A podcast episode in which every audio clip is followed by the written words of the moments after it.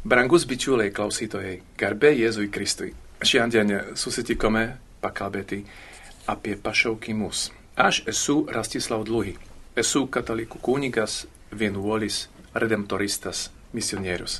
Gyvenu Kaune jau pustrečių metų. Šiandien kartu su manimi studijoje yra mano brolis vienuolis kunigas Petras. Su juo aš kartu gyvenu mažoje religinėje bendruomenėje. Su mumis šiandien ir mūsų gera draugė Milita, kuri taip pat yra mūsų pasauliečių bendradarbių bendruomenės narė. Taigi šiandien mes čia susirinkome pakalbėti apie pašaukimus ir dėl to melstis. Grįžkime prie pašaukimo savokos. Pirmiausia, mes esame pašaukti gyventi pagal Dievo planą. Tai gali skambėti truputį teoriškai, ar ne? Tai skamba teoriškai, kol nepradedi mąstyti, ką tai iš tikrųjų reiškia. Praktiškai tai reiškia, kad Dievas tiesiog nori, jog tu egzistuotum. Dar prieš sukurdamas pasaulį jis jau galvojo apie tave. Jis jau turėjo tave savo mintise. Jau tada jis žinojo, kokios spalvos bus tavo akis, koks bus tavo temperamentas ir kokias dovanas tu atneši į šį pasaulį gimdamas. Argi tai nenuostabu, aš buvau laukiamas. Jis norėjo, kad aš gyvenčiau. Dievas atvedė mane iš nebūties į būtį. Ir antras svarbus dalykas yra tai, kad pašaukime yra ir kitas pašaukimas. Mes visi esame pašaukti būti egzistuoti, klestėti. Bet tuo pačiu mes visi esame skirtingi, originalūs. Mes visi turime skirtingas misijas šiame pasaulyje. Ir tai yra atradimų kelias, vedant į tiesą apie mūsų individualumą, kiekvienam skirtą asmeninę misiją. Šventajame rašte mes randame daug istorijų apie asmeninio pašaukimo atradimą. Šių metų maldos už pašaukimus dienai popiežius Pranciškus parašė žinią. Kalbėdamas apie šventąją Juozapą, jis paminėjo, kad Dievas kalba apie savo planus per sapnus. Man patinka tai, kad lietuvių kalboje jūs turite du atskirius žodžius - sapnai ir svajonės. Mano gimtojoje kalboje taip pat kaip ir anglų kalboje yra tik vienas žodis - dream. Jis reiškia ir svajonę, ir sapną. Sapnas tai kas vyksta nesąmoningai miegų metu, o svajonė tai labiau troškimas. Bet kartais per sapnus mes taip pat galime tarsi svajoti. Mes visi turime svajonių. Paklauskit vaikų apie ką jie svajoja. Jie atsakys, aš noriu būti princese. Aš noriu būti lakūnas. Mums augant svajonės keičiasi noriu ištekėti už gero žmogaus ir amžinai būti jo vienintelė meilė. O vyras gali pasakyti, gal noriu vesti nuostabią moterį, noriu būti bankininku. Paklausk 50 mečių ar 60 mečių. Kokios yra jų svajonės? Aš garantuoju, kad išgirsite kažką visiškai skirtingą. Bet taip pat noriu priminti mums visiems vieną labai svarbų dalyką. Dievas taip pat turi svajonių. Ar suvoki, kad jis turi ir tavo gyvenimui skirtą svajonę? Argi tau nėra svarbu, kokios yra jo svajonės apie tave? Ar kada klausai jo, kokios yra jo svajonės apie tavo gyvenimą? Jis trokšta, kad mes gyventume pagal jo svajonės, nes tik tada rasime savo vietą šiame pasaulyje. Viena iš pačių svarbiausių užduočių bažnyčiai ir mums visiems papasakoti jiems, jauniems žmonėms, didžiąją Dievo istoriją, kad ji padėtų jiems pamatyti kontekstą, kuriame jie galėtų ieškoti savo vaidmens ir vietos gyvenime. Labai dažnai žmonės nesupranta, kad Dievas mums pasakoja didžiąją istoriją. Kiekvienas žmogus šioje istorijoje vaidina vaidmenį. Daugeliu atveju žmonės nesupranta, kad jie šioje istorijoje turi vaidmenį, todėl sukuria savo mažą istoriją. Senajame testamente per Moze Dievas liepė papasakoti Izraelitams šią istoriją savo vaikams, ypač išeimo istoriją.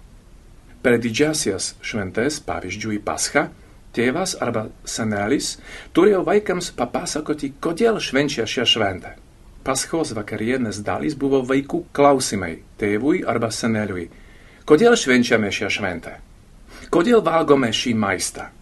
Dažnai Senajame testamente Dievas primena Izraeliui, prisiminkite, nepamirškite, šveskite šventes, kad prisimintumėte šią istoriją. Galėtume paklausti savęs, ar savo šeimose, savo bendruomenėse pasakojame šią istoriją. Didžiąją Dievo istoriją. Jauni žmonės, su kuriais dirbame arba kuriuos mokome, dar tik atranda savo identitetą ir gyvenimo prasme. Ir užduoda klausimus. Kodėl aš čia? Iš kur atėjau? Kur einu? Koks mano gyvenimo vaidmuo? Prisimenu vienas vaikinas per rekolekcijas man pasakojo.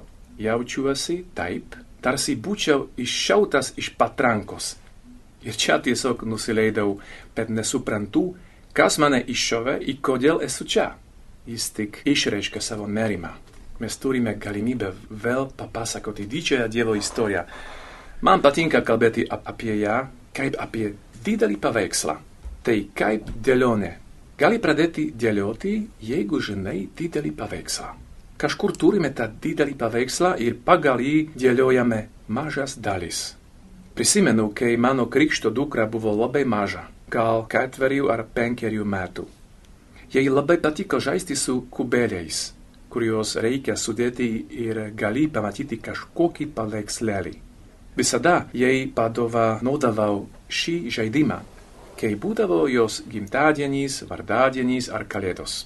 Kartą atvažiavau ją aplankyti. Ji turėjo naujus kubelius, ant kurių buvo vaizduojama snieguolė ir ji jau žinojo visus paveikslėlius atmintinai, tad galėjo sudėti bet kurį paveiksliuką. Mano krikštā dukra pasakė, ateik, pažaisk su manim, sudėk kažkokį paveiksliuką. Paskui aš sudėsiu, bus rungtynės.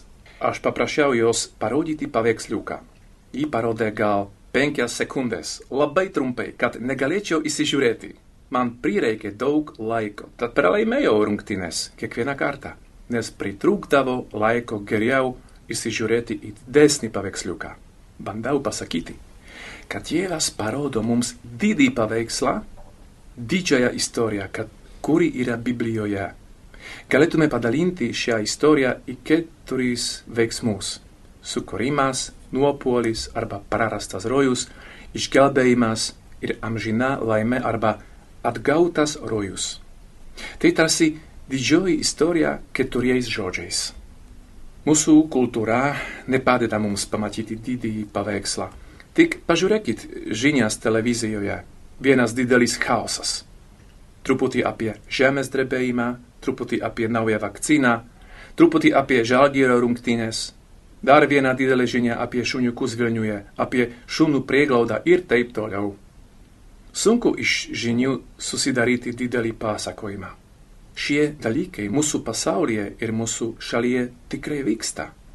Bet ar toks pasakojimas padeda pamatyti didįjį Dievo pasakojimą?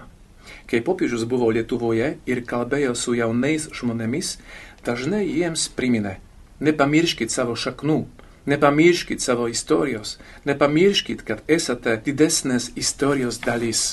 Kartą girdėjau, kad žmogus, kuris nesupranta tos didelės istorijos, turi problemą suprasti save šį pasaulį.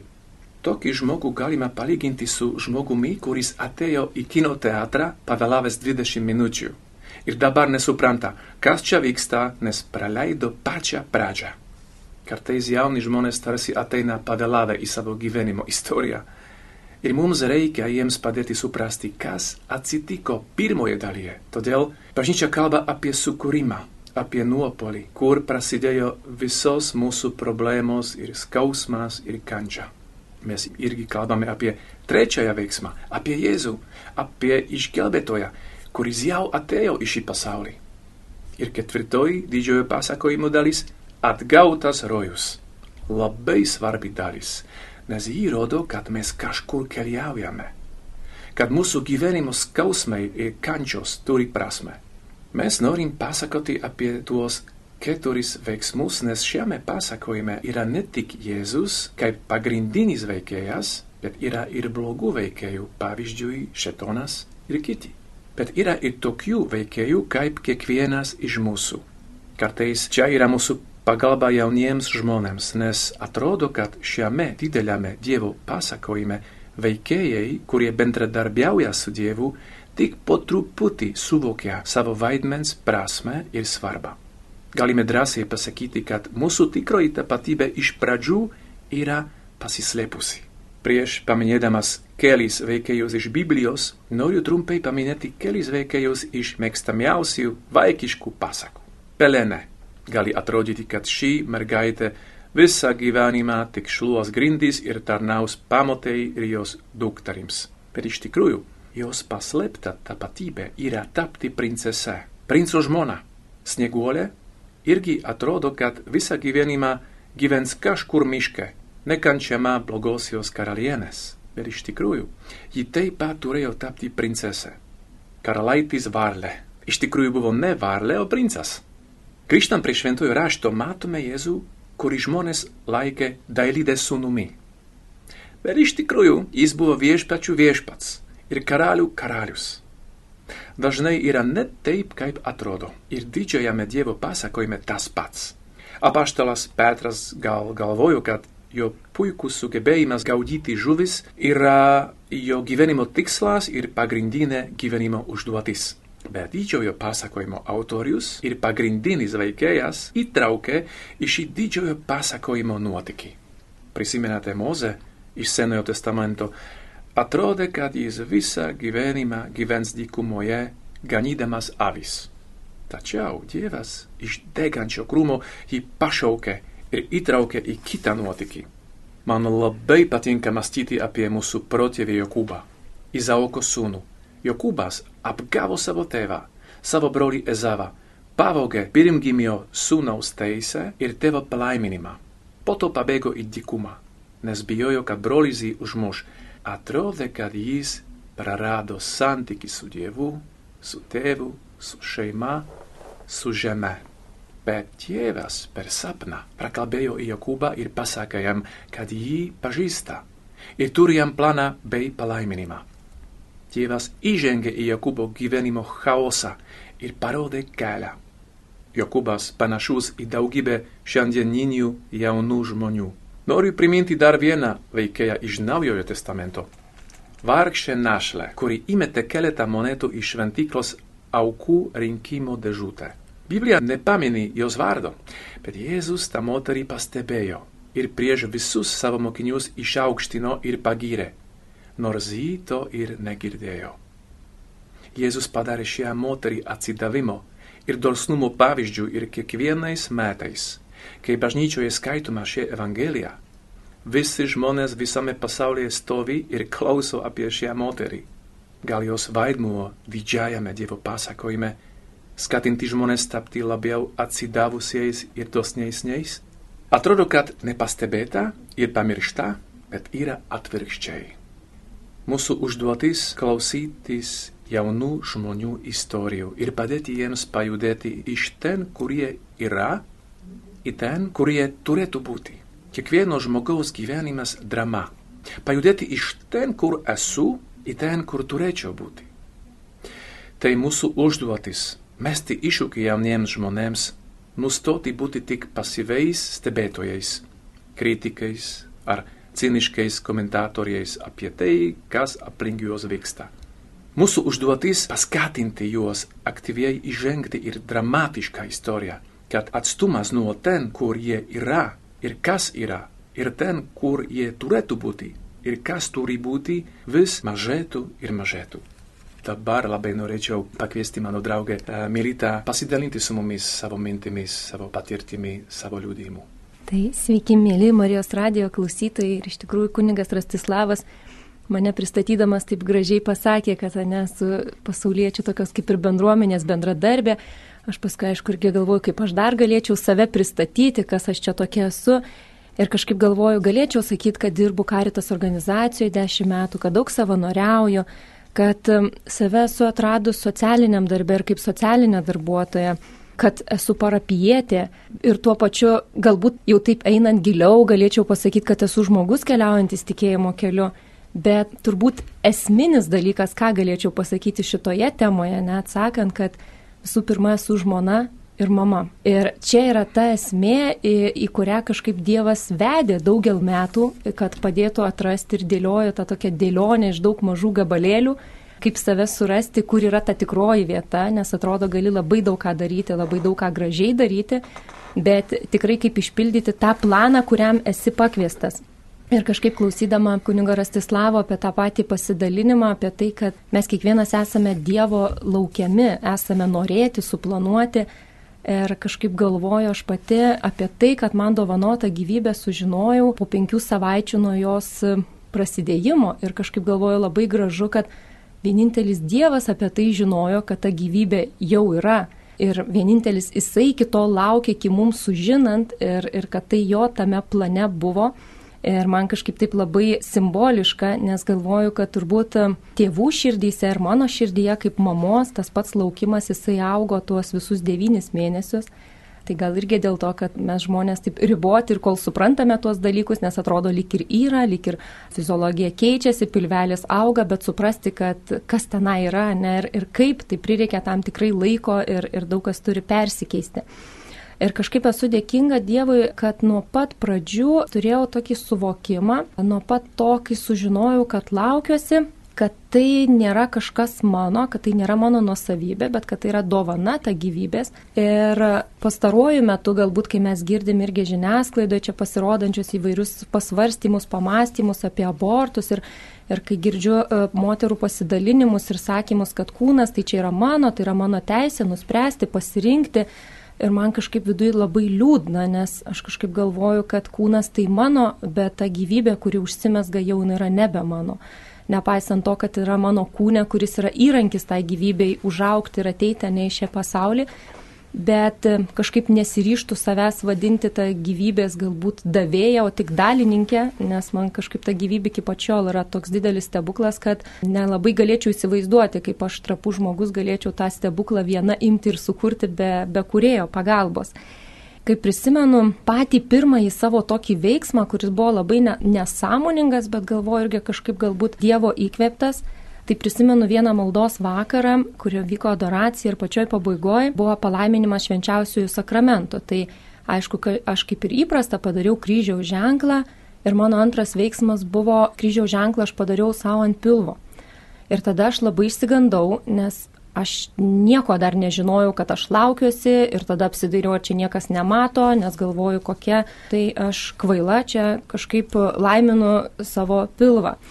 Ir tik tai daug vėliau man tas paveikslas atėjo suvokimas apie tai, ne, kad, kad ta gyvybė jau buvo ir, ir tas toksai tarsi nesąmoningas veiksmas jau jisai buvo į ateitį padarytas, kad vis dėlto tai yra laiminamas tas naujas žmogus, kuris yra pakeliui į šį pasaulį.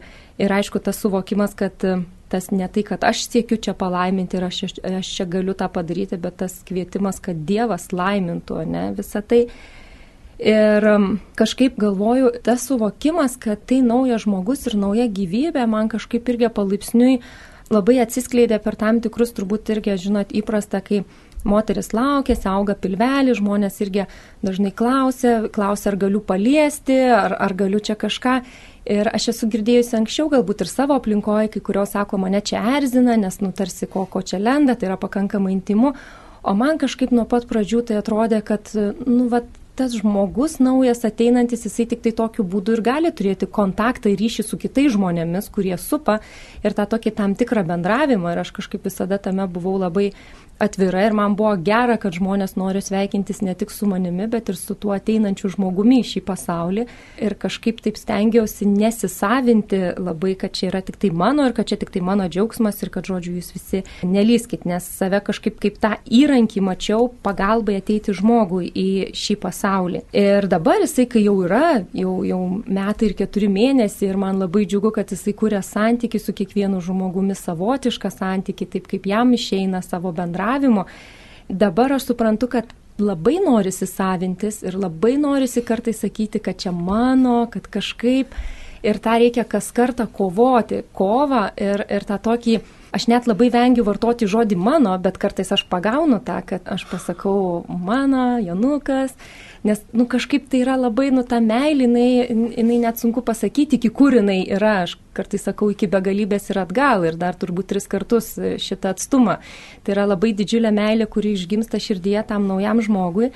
Bet tikrai tą bandai suprasti, o koks yra tada tas tavo vaidmuo, kaip, kaip iš tikrųjų, kaip jį matyti, kaip tą unikalų žmogų, kuris gimė, aš kaip sakau, vat, irgi mes galim pasakyti, iš nieko, nu čia kaip ir pasaulį Dievas sukūrė, tarsi iš nieko, tai ir ta gyvybė kažkaip vat, sukurta, ne, bet, bet jinai sukurta ir taip kaip kuningas Rastislavas minėjo, tam didžiajam Dievo plane, jinai jau yra įrašyta. Ir aš e, suprantu tą savo misiją kaip mamos, kad man reikia palydėti tame didžiajame plane, kažkaip auginti žmogų tame. Ir labai stengiuosi turbūt irgi per šį laiką tikrai vad kovoti su savininkiškumu, kad tai nebūtų tik tai man mano, nes aš kažkaip galvoju, kad tai yra žmogus pasauliui atėjęs ir, ir su savo jau charakteriu, norais ir tai, kuo jisai norės būti. Tai nėra taip irgi lengva, nes pagavau čia vieną kartą juokaudama, aš kaip galvoju, dalis juokų irgi turi tiesos dalelę, ne, ir kažkaip galvoju čia apie tas bemiegės naktis, apie tai, kaip sunku keltis ir šeimoje čia juokauju, sakau, va, nu, po kokių 30 metų Jonukas turės jau savų vaikų ir aš tada galėsiu juos tiesiog va šiek tiek ten pamiluoti, pačiučiuoti, paglostyti, pabūti ir atiduoti tėvam ir ramiai miegosiu. Ir visai nedaug čia beliko laukti tų metų.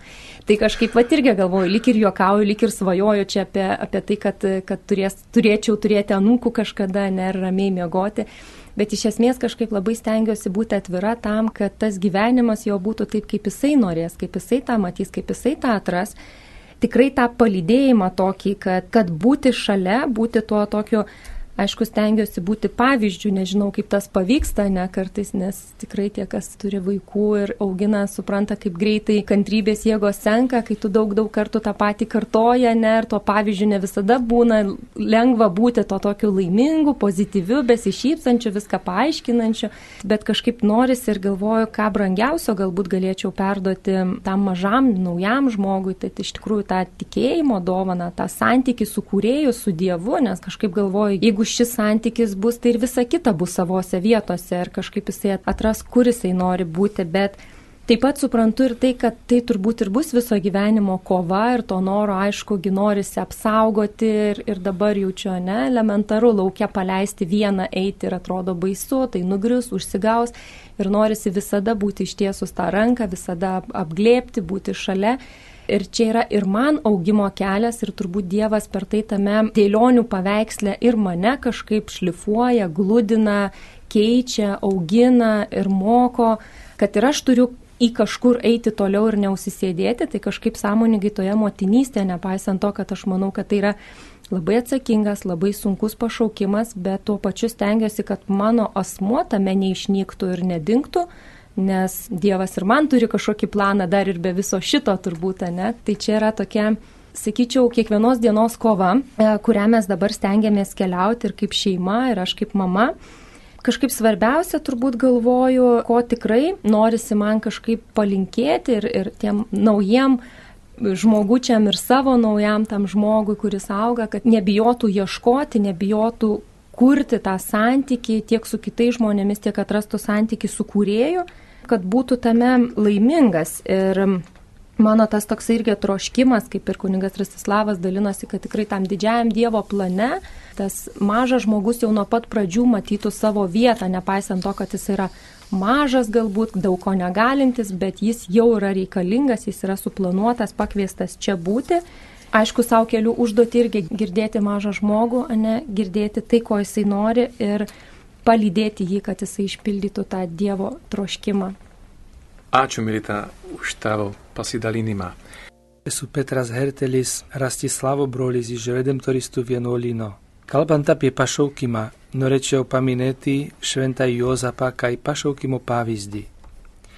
Jis savo laiku nekėlė ypatingos nuostabos, nebuvo apdovanotas unikaliomis charizmomis, neatrodė išskirtinis jį sutikusių žmonių akimis.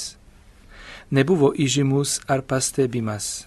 Evangelijose neminimas ne vienas jo žodis. Vis dėlto savo paprastu gyvenimu Dievo akise jis įvykdė ypatingą dalyką. Todėl Jozapas liko nepastebėtas anuometinių kronikų, bet šimtmečiais darė įtaką kiekvieno tėvo, kiekvieno darbininko, kiekvieno krikščionio kasdienybei. Pašaukimas, panašiai kaip ir gyvenimas, bresta tik per kasdienę ištikimybę. Galėčiau pasakyti, kad šventasis Jozapas nuo vaikystės man buvo labai artimas. Būtent todėl, kad jis buvo dailidė, ir aš išmokau medžio apdirbimo amato technikos mokykloje.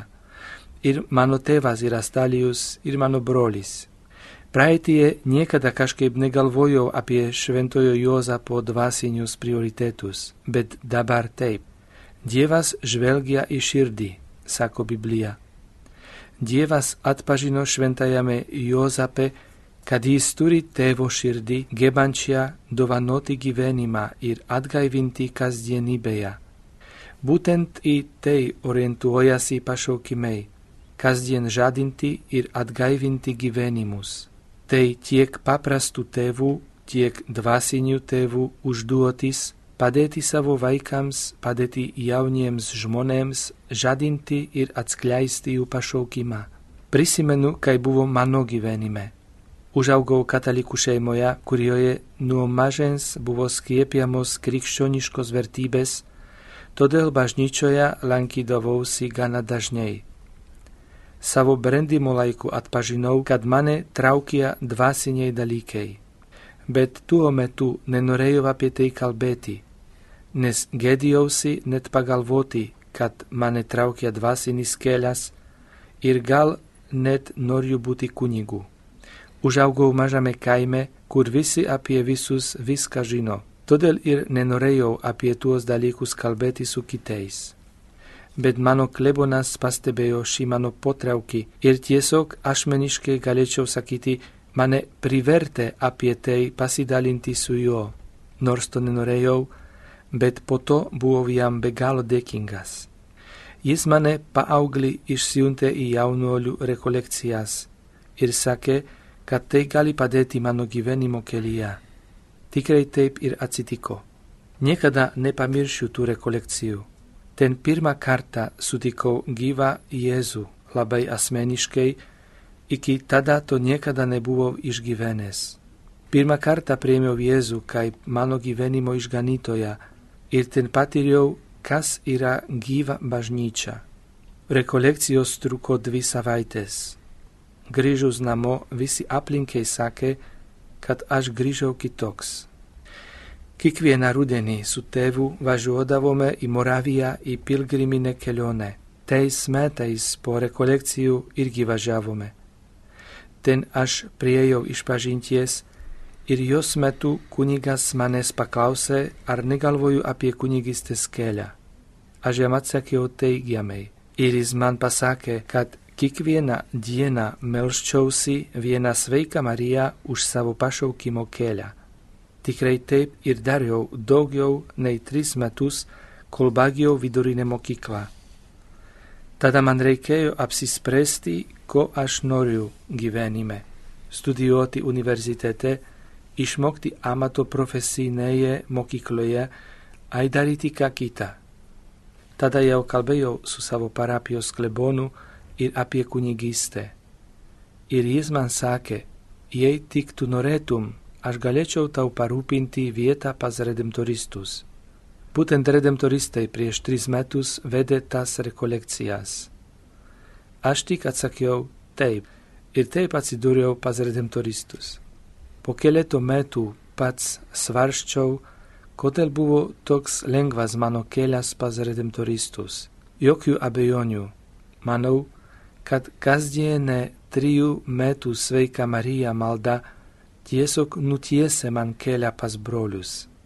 Dabar kasdien meldžiuosi, kad šventoji dvasia vadovautų mano gyvenimui ir kad būčiau ištvermingas. Jau buvo kalbama apie šventojo Jozapo sapnus. Kodėl jis taip lengvai atsakė Dievui taip, remdamasis vien sapnais? Galvoju, kad būtent todėl, kad jis jau prieš tai turėjo gyvą santyki su Dievu ir buvo maldos žmogus. jis jau galėjo atpažinti Dievo balsą. Jis, kaip tikintis žmogus, buvo nuo vaikystės mokomas atpažinti Dievo balsą. Tai taip pat labai svarbu ir mūsų pašaukimo kelyje. Mes mokomės ir augame tame. Pirmieji žodžiai, kuriuos sapne išgirdo šventasis Jozapas, buvo paraginimas nebijoti, nes Dievas ištikimas savo pažadams. Jozapai, Dovido sūnau, nebijok, nebijok. Tai žodžiai, kuries viešpats kreipiasi į tave, miela sese, mielas broli, kai nepaisydamas netikrumo į abejonų jauti, kad jau nebegali ilgiau atidėlioti troškimo atiduoti jam visą savo gyvenimą. Dievas kreipiasi į tave asmeniškai, vardu, kad žinotum, kad jam esi labai svarbus, unikalus. Jis tave myli ir jam reikia tavęs, nes daugiau niekas pasaulyje nėra toks kaip tu. Esi unikali būtybė su savo unikaliomis dovanomis Kuo geriau suvokiame savo identitetą, tuo geriau galime klausyti Dievo. Juk ir Jozapui pirmiau nebuvo sakoma, ką turi daryti, bet buvo kreipiamasi vardu. Jozapai, Dovido sūnau. Kuo geresnis mūsų identiteto suvokimas, tuo labiau jis padės mums geriau klausytis Dievo, kalbančio ne tik mumise, bet ir per kitus žmonės ir visur aplink. Jis kartoja tau šios žodžius, kai ten, kur esi, galbūt patirdamas išbandymus ar nesupratimą, kasdien kovoji siekdamas vykdyti jo valią. Jozapei Dovido sūnau nebijok. Arturei, Ugne, Pavlijau, Vaida, Jovita, Tereze, nebijok. Tie žodžiai mums padeda ir pajudėti iš vietos, kur gal jau ilgą laiką stovime. Dabar auga pasaulyje karta, kuri nemoka apsispręsti. Jei jauti pašaukimą į santuoką, padaryk konkrečius žingsnius. Pašnekink tau patinkiančią merginą, arba jei esi mergina, išdrįsk pakalbinti vaikiną. Ir tik tada per laiką ir šventosios dvasios vedimą galėsi atpažinti, ar tai tau skirtas žmogus. Arba jei jauti pašaukimą į pašvestą gyvenimą, vienai ar kelioms dienoms aplankyk tave traukianti vienuolyną ar seminariją. Tik pasisvečiuok ten, arba apsilankyk atvirų durų dienoje. Tik tada galėsi pajausti ir atpažinti, ar toks gyvenimas tau tinka. Nebijok. Taip pat yra labai svarbu melstis už savo pašaukimą. Jau nuo vaikystės pamenu, kaip mano parapijoje buvo meldžiamasi už pašaukimus prieš kiekvienas šventasias mišas. Kiek žinau, taip buvo visoje Slovakijoje, kiekvienoje bažnyčioje. Pamenu, kaip mano močiutė melzdavosi ne tik bendrai už pašaukimus, bet ypač už mūsų jos vaikų ir anūkų pašaukimus. Tikiu, kad ir jos maldos prisidėjo prie to, kad šiandien aš esu kunigas. Iki tol nebuvo ne vieno pašaukimo į kunigystę iš mūsų parapijos, dabar mes jau esame du kunigai iš ten. Kitas kunigas yra pranciškonas. Kai prieš kelis mėnesius buvau namuose Slovakijoje pas savo tėvelius, vieną popietę ieškojau mamos ir niekaip negalėjau jos rasti. Ir pagaliau radau ją savo kambaryje besimeldžiančią jau valandą. Aš žinau, kad ji meldžiasi ne tik už savo šeimą, bet ir už visus kunigus bei viskupus. Mes norime padėkoti jums, šeimoms, už jūsų vaikų dovanas, pašaukimus dvasiniam gyvenimui, už jūsų maldas, nes iš tikrųjų mes turime tokius kunigus, kokias turime šeimas. Kartais tikrai nėra lengva atiduoti savo vaiką dvasiniam pašaukimui Dažnai tėvai turi savo vizijas ir troškimus, koks bus jų vaiko gyvenimas. Todėl ir esu labai dėkinga savo tėvui, kad man leido eiti į seminariją. Tuo metu, kai laikiau abitūros egzaminus ir reikėjo apsispręsti, tuo metu jis jau turėjo savo mažą verslą ir dirbo namuose. Per laisvą laiką aš su juo dirbdavau nuo vaikystės, nes specialią įrangą stalijaus darbams jis turėjo namuose. Aš buvau praėjęs tą mokyklą, tikrai išmaniau stalijus amatą ir jis man labai patiko. Aš būčiau buvęs tėvui labai naudingas, bet vis dėlto kunigystė man buvo dar didesnė vertybė. Kai tėvams pasakiau, kad noriu eiti į seminariją, tėvas ne vienu žodžiu man neprieštaravo, nors aš žinojau, jis tikėjosi, jog aš prisijungsiu prie šeimos verslo. Yra svarbu būti ištikimam savo pašaukimui, tam, kur mane traukia mano širdys. Ta ištikimybė yra džiaugsmo paslaptis. Nazareto namuose, pasak vieno liturginio himno, viešpatavo tyras džiaugsmas.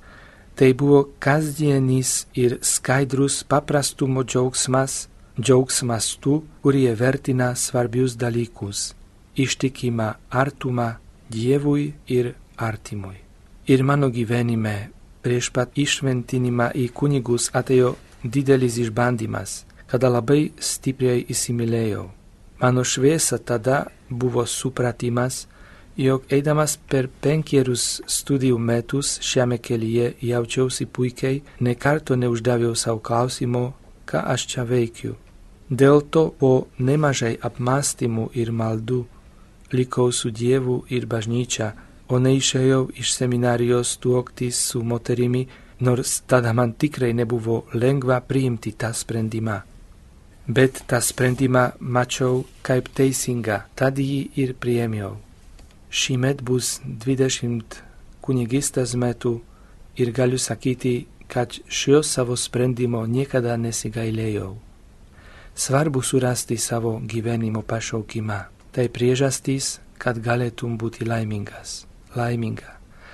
Ar turi pašaukimą gyventi vienas, viena, vesti, ištekėti, ar įžengti į pašvestą gyvenimą, Visur yra svarbu gyventi tą patį pašaukimą nors kitų būdų - gyventi meilę kitiems. Taip galime būti laimingi, nes kitus darome laimingus. Jozapas buvo konkrečių Dievo tėvo meilės ženklų tiek Jėzui, tiek Marijai. Marija ir Jėzus buvo dangiškojo tėvo meilės ženklų Jozapui. Tu esi tėvo meilės ženklų tiems, su kuriais šiandien susitinki šeimoje, darbe, universitete, bendrabutyje. Jie yra tau ženklas. Kažkas svarbaus Dievas nori pasakyti per tą ženklą mums, tau asmeniškai. Ir nors niekas iš mūsų nėra be klaidų, be nuodėmės, tegul kiekvieno mūsų gyvenime netrūksta paties svarbiausio dalyko - konkrečiais meilės veiksmais išreikšto Dievo buvimo šiame pasaulyje. Brangos bičiuliai, klausytojai, pabaigoje norime jūs per šią pašaukimų savaitę pakviesti į maldą. Kviečiame jūs per pašaukimų savaitę kasdien pasimelsti po vieną rožinio paslaptį už pašaukimus Lietuvoje. Ir jūs, jaunuolius, dar ieškančių savo pašaukimo kelio, norime padrasinti kasdien melstis už savo pašaukimus, nors trumpa malda, kad atrastumėte tą vienintelį jūs į pilnatvę vedantį kelią ir būtumėte laimingi.